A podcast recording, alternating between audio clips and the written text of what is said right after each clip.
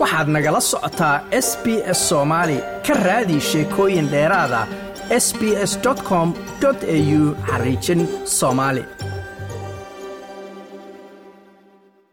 qalalaasaha siyaasadeeda dowladda britain ayaa weli socda. Kadib markii ra'iisul wasaaraha cusub liis tras ay shaqada ka eriday wasiirkeedii maaliyadda oo xilkaas hayay soddon iyo sideed maalmood oo keliya. Maxamed xasan dable waa aqoon-yahan degan dalkaasi una kuurgala siyaasadda dalka britain. Maxamed ma la dhihi karaa ra'iisul wasaaruhu waxay islahayd xaaladdu way degi doontaa ama way qaboobi doontaa? Markay wasiirka maaliyadda eriday laakiin arrintaasi weli ma caga dhigan. Ha waa la dhihi karaa mana caga dhiganin. Sida hadda saalaasha ka muuqato iyo isaalaha muuqdana ma wa ka mid caga dhigan doonto. Waxayna u badan tahay sida ay wax ku socdaan in ay shaqada ku weyn doonto oo ama lagu cadaadin doono in ay xilka iska casisho ama la tuuri doono sidii boris johnson ku dhacdayba waa gartay wasiirkii hore waxyaalaha lagu eriyey waxaa ka mid ahaa in go'aamo dhaqaale uu soo saaray ay suuqa markaasi qalqaliyeen. Lacagtii baanka ahaydna uu hoos u dhacay. Wasiirka cusub ee lagu bedelay ninkaasi jeremy hunt khudbo uu jeediyey suuqyada iyo lacagaha baanka ma qaboojiyeen baad isleeda wax yar inta badan saameynta waa wax yar oo aada iyo aad macno weyn u sameyneynin laakiin de dhanka dhaqaalaha marka laga eego macno weyn bay sameyneysaa waxaa la sheegayaa in suuqyada ay soo dhoweeyeen in bounkii uu laba senti ka qaaliyoobay dollarka oo kor u soo kacay. Waa laba senti hadda ogow marka laakiin de caalamka suuqyada macno weyn bay u sameyneysaa marka yacni lacag qalaad lacag kaloo qalaad ay xoogaa yar ka sarmarto. Marka xagga waxa weeye waa waa xoogaa waa rajo yar baa soo ka soo ifaysaa laakiin lama sii garan karo marka ay dhabta tagto. Inta ay macnaha arrinkaasi la sii ekaan karto oo arrin uun ayaamaha soo socdo la kala ogaan doono. Laakiin khalka khalkhalka siyaasadeed sida su'aashii horeba aan ku cadaynay waa mid sii socon doono. Afti hadda la qaaday shalay oo maxay ahaydeen qolyaha arag aragti aruuriyaasha ah mid ka mid a oo u k waxay ku qiyaastay labor in ay tahay boqol kiiba konton iyo lix dhibcood macnaha boqol kiiba konton iyo lix conservativekana boqol kiiba labaatan ururka liberal democrat ama xisbiga liberal democrat-kana uu yani boqol kiiba kow iyo toban iyo marka loo turjumo kuraasta baarlamaanka waxaa lagu qiyaasayaa labor in ay ku guuleysan karto shan boqol iyo shan iyo toban kursi. Halka liberal democratiga ay ku guuleysan karaan afartan iyo laba kursi. S n b oo ururka scottish national party ana uu ku guuleysan karo afartan iyo laba kursi. Ururka conservativeka ama xisbiga muxaafidka ana listres hogaaminaysana uu ku guuleysan karo oo keli ah labaatan kursi oo baarlamaanka u k oo dhan ah ay ka heli karto.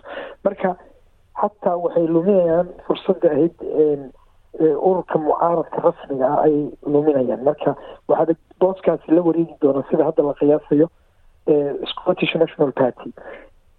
Conservativeka dhexdoodana aad baa iyadu loo diidan yahay. Boqol kiiba afartan keli baa taageersan boqol kiiba lixdanna way ka soo horjeedaan. Waa gartay marka hadda waxaa bilaab waxaa bilowmay xildhibaano ka tirsan ra'iisul wasaaradda xisbigeeda xisbiga muxaafidka oo iyagu sheegay inaysan kalsooni ku qabin liis tras marka may badbaadi kartaa baad isleeda uma eka.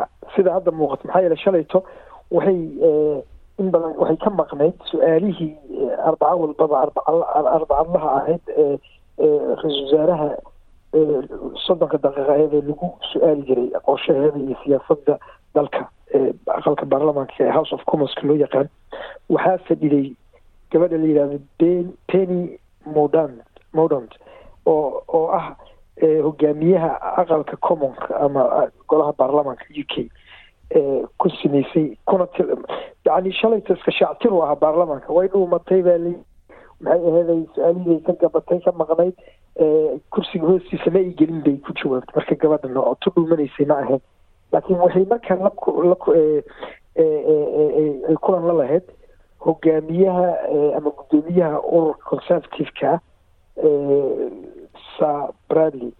Marka wuxuuna u sheegahayey in xildhibaano ka tirsan ururkeeda aynan ku qanacsaneen arrinkaana u dareensiinaya marka waxaabad moodaaba habraaci ama process lagaga takhalusi lahaa bilowgiisii inuu hadda socdo dabcan ra'isul wasaaraddu mar dhowbay xil ka qabatay tartan dheer baa soo dhex maray iyada iyo musharaxiin kale.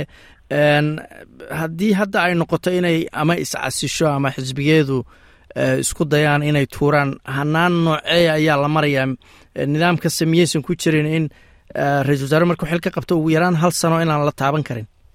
Maya iyadu hadda way cusub tahay. Ra'isul wasaarihii hore ayay ahayd qorshahana inta badan markii boris johnson xilka laga qaadahayay waa aada looga hadlay in lagu sameyn doono isbeddel iyo dib u eegisna way socotaa. Laakiin hadda iyadu maadaama qof cusub ay tahay kalsoonida codka kalsoonida waa loo qaadi karaa. Ma aha markaa maxay aheeday qof horey loogu qaado. Markii mar loo qaado hogaamiye codka kalsoonida oo uu ku guuleysto ayaa sanad aan la taaban karin. Oo inuu sii socday. Taana beri dhaweyto xilligii johnson waa kii haddana mar kale kalsoonidii in yani arrinkaas aan waxba laga bedeli karin laakiin lixdan xildhibaa ee wasiir oo dowladeedii ka tirsanabaa xilka ka tegay. Markii yani yani xeerkaa uu qabtay iyagii oo ay mar labaad kalsoonidii kala noqon waayeen lixdan xildhibaan way garab mareen oo arrin kale keeneen. Xaajo kaloo uguda lixdan waa nooc kale oo ah inayna kalsooni ku qabin. Marka laakiin tan iyagu waa hadda hogaankeedu uu hor leeyahay weli cod kalsooni looma qaadin. Marka waa loo qaadi karaa codka kalsoonida waa loo qaadi karaa. Laba midib bay noqon ama inay iscasisho oo ay u fududeyso lagana yaabo inay hal taa ku cadaadiyaan. Haddii ay ku sii adkeysatana inkastoo shalayta ay tiraahday in waxaan wadayaa ilaa doorasho aan ku guuleeyey xisbigan doorasho waan sii hogaaminaya waanan ku guuleysanaya doorasho iyadu ku ugu xisbigeeda in codka kalsoonida loo qaadana way dhacaysa haddii ay tegi weyso waa garta ma dhici kartaa in doorasho la qabto inta ka horeysa waktiga caadiga ah loogu talagalo hadda laba sano waqti ku dhow ay ka dhiman tahay ma dhici karayso sababtaan kuu sheegaya hadda waa macnaha rajo ururkan ama xisbigan conservativeka uu leeyahay maba jirtaba sidaa daraadeed waa waa waa suicide waxaa la yihahda ama ama is is is is maxay ahaday isdaldalaad shaksiyan uu isku sameynayo ururkaas urur awoodda hadda ku jiro in laba sanaa doorashada ka dhiman inay intaa wax ku xaliyaan oy ka soo kabtaan oo mataqaana ay isbedelo sameeyaan oo ama waxaa u fudud in hogaan cusub ay ay hadda sameeyaan oo weji cusub keenaan oo ay sidaasi marka qorshahooda ay ku soo kabanayaan ay uga shaqeeyaan marka hadda kumaba dhawaaqi karaan arrinta layaab kale waxaa weeye xasanow doorasho hadday ka dhacdo boqol kiiba toban baa ayadoo listeras ahaan aaminsanba in ay noqon karto ra'iisul wasaare. Boqol kiiba sagaashan way luusgelaysay ama way way macnaha way lumisay kalsoonidii dadweynaha u k oo dhan ayadoon xisbi loo eegeyn tan kale marka xisbiga conservativeka dhexdiisa loo soo noqdana waxaa cajiib ah in yaa bedelaya markii la yiri boris johnson uu boqol kiiba lixdan iyo saddex noqday ninka ugu horeeyo rishi sunakna uu boqol kiiba lixdan iyo laba noqday oo uu ku xigay maxay ahaday ben wallis oo wasiirka gaashaandhigana noqday boqol kiiba lixdan saddexda nin kow iyo toban qof oo la soo xuray saddexdaa nin baa macnaha hogaaminaysay marka boris johnson baaba la leeyahay ba ha soo noqdo. Marka ururkaas ama xisbigaasi inay dhibaato weyn haysato halkaas ayaad ka arkaysaa mustaqbalka. Marka leber saadaashu iyo bishaaradu aad bay ugu xoog badan tahay in ay dowladda soo socoto ay noqon doonto. Kaasina wuxuu ahaa maxamed xasan dable oo khadka telefoonka ee magaalada lester ee dalka u k igu warramay maxamed aada umahadsanta ma doonaysaa sheekooyinkan oo kale? Ka dhegayso apple podcast google podcast spotify ama meel kasta oo aad bodkastigaaga ka hesho